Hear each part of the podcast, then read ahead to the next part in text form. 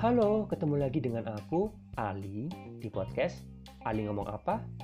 Podcast ini tentang aku dan banyak hal-hal acak yang aku rasa bakalan ngena ke kalian juga. Gimana aku ngadepinnya, belajar dari pengalaman itu, dan ngebagiin buat kalian. Semoga bisa ngebantu jadi referensi buat kalian juga ya. Jadi, terima kasih banyak nih udah gabung di sini. Yuk, langsung aja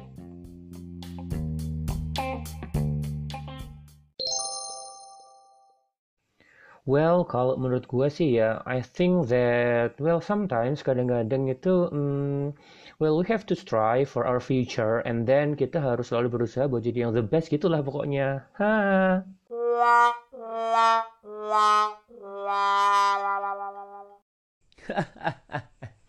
sorry, sorry, sorry.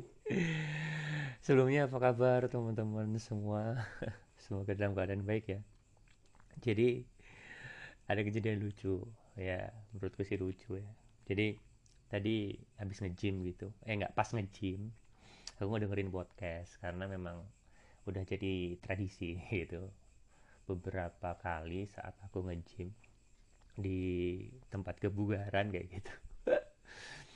Aku selalu mencoba untuk mendengarkan podcast gitu. Alih-alih mendengarkan lagu-lagu untuk me ya kadang-kadang sih aku masih pakai dengerin lagu-lagu gitu ya. Tapi sekarang-sekarang ini lebih sering dengerin podcast kayak gitu. Nah, kali ini, hari ini tadi aku dengerin podcast tentang jadi aku lagi cari podcast Indonesia berbahasa Indonesia yang membahas tentang entrepreneurship, kemudian tentang startup, um, kayak gitu lah.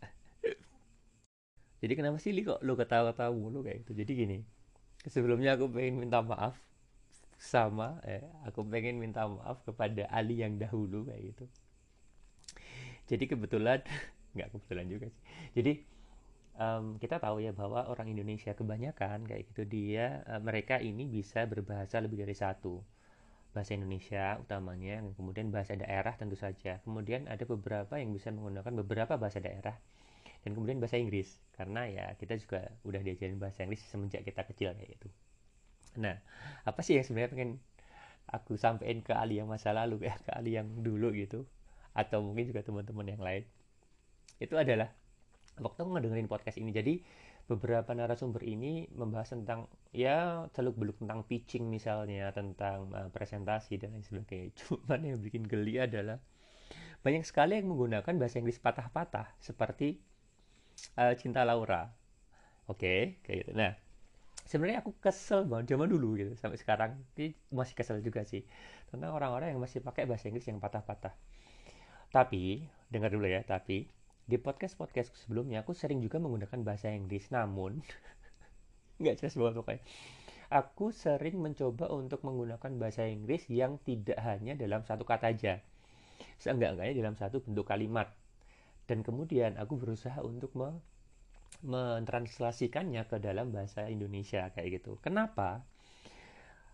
Um, sebenarnya akan jadi bahasan yang panjang cuman entah kenapa yang selalu aku pikirkan adalah bahwa saat orang yang menggunakan bahasa Inggris patah-patah itu kesannya hanya akan sekedar sombong kayak gitu.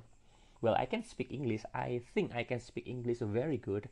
But the most important thing for us in the case of languages is that ya bisa ya aku agak sombong gitu dikit. Cuman ya um, waktu aku dengerin sih jadi beberapa narasumber ini dia menggunakan bahasa Inggris yang bener-bener patah-patah. Persis kayak di segmenku yang pertama tadi. Jadi bener-bener kayak dia ngomong yang terbaik aja pakai the best. Dan aku coba introspeksi dong. Aku coba dengerin beberapa podcast podcastku yang lain kayak gitu. Dan ternyata aku masih sering juga ngelakuin hal kayak gitu gitu. Jadi oke okay, tenang dulu Ali. Gini intinya adalah bahwa bahasa itu adalah alat untuk berkomunikasi. Oke. Okay? Perkara kita bisa menyusun apa yang ada di otak kita untuk bisa dikomunikasikan ke orang lain itu adalah perkara masing-masing orang, personal ya. Cuman entah kenapa kesannya saat orang menggunakan bahasa Inggris yang patah-patah satu, dia terkesan ingin sombong walaupun mm, tidak tidak niat untuk sombong ya gitu. Yang kedua, seolah-olah susah untuk mencari padanan kata yang sesuai dengan bahasa yang ingin dia pakai kayak gitu. jadi kalau misalnya dia mau pakai bahasa Indonesia ya pakai bahasa Indonesia aja nggak usah bahasa Inggris. Karena kenapa nggak cari padanannya di bahasa Indonesia aja? Walaupun memang ada banyak sekali kata-kata bahasa Inggris yang ada padanannya di bahasa Indonesia atau belum ada kayak gitu.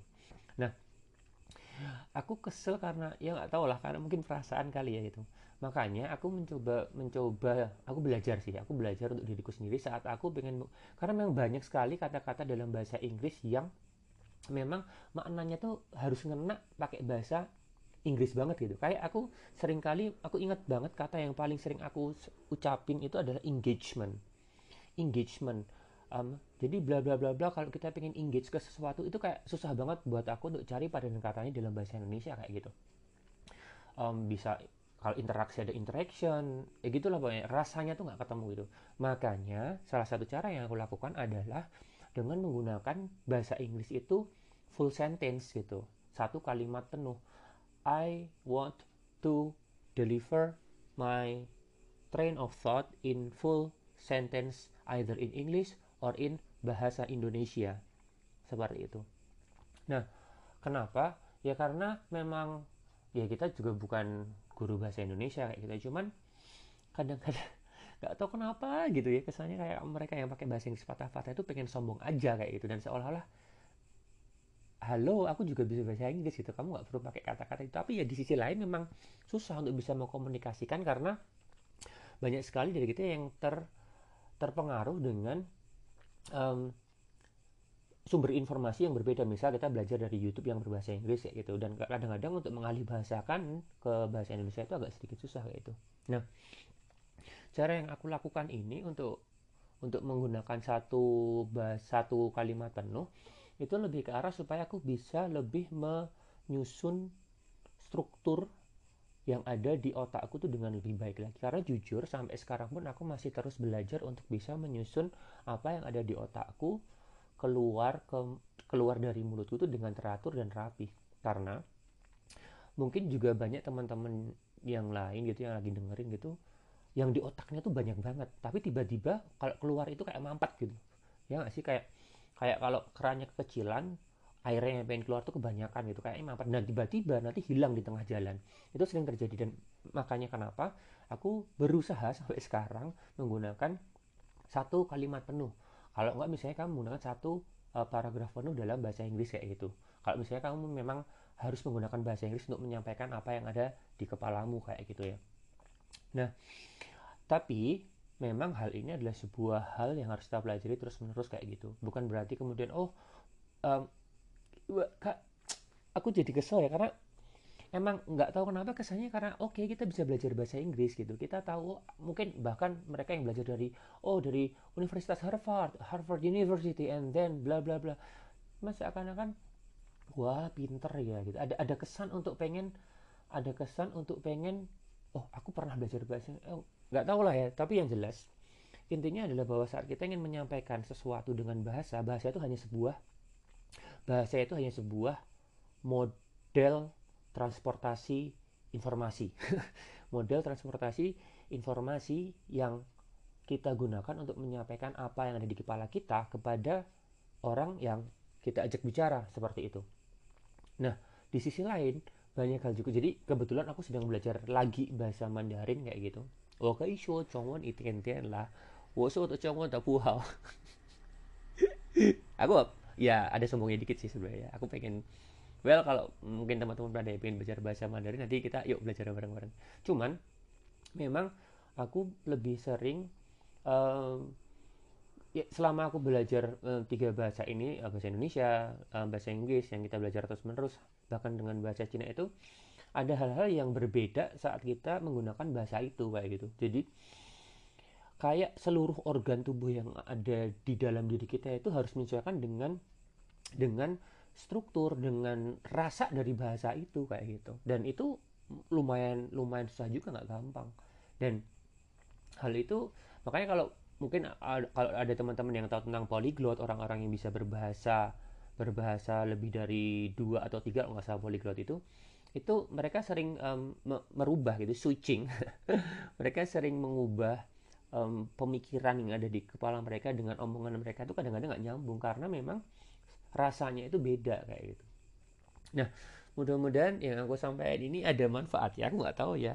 Atau mungkin lebih ke arah aku curhat colongan kayak gitu. Cuman yang jelas well tuh kan aku menggunakan well lagi.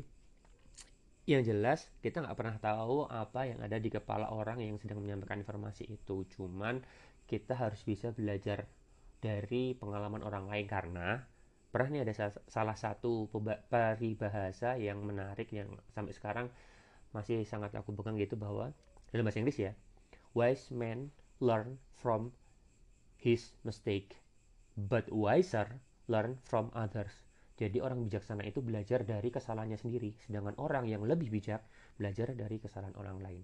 Oke. Okay? Baik. Semoga kita bisa belajar dari kesalahan kita dan juga kesalahan orang lain. Terima kasih sudah mendengarkan. Sampai jumpa. Sampai ketemu lagi. Dadah.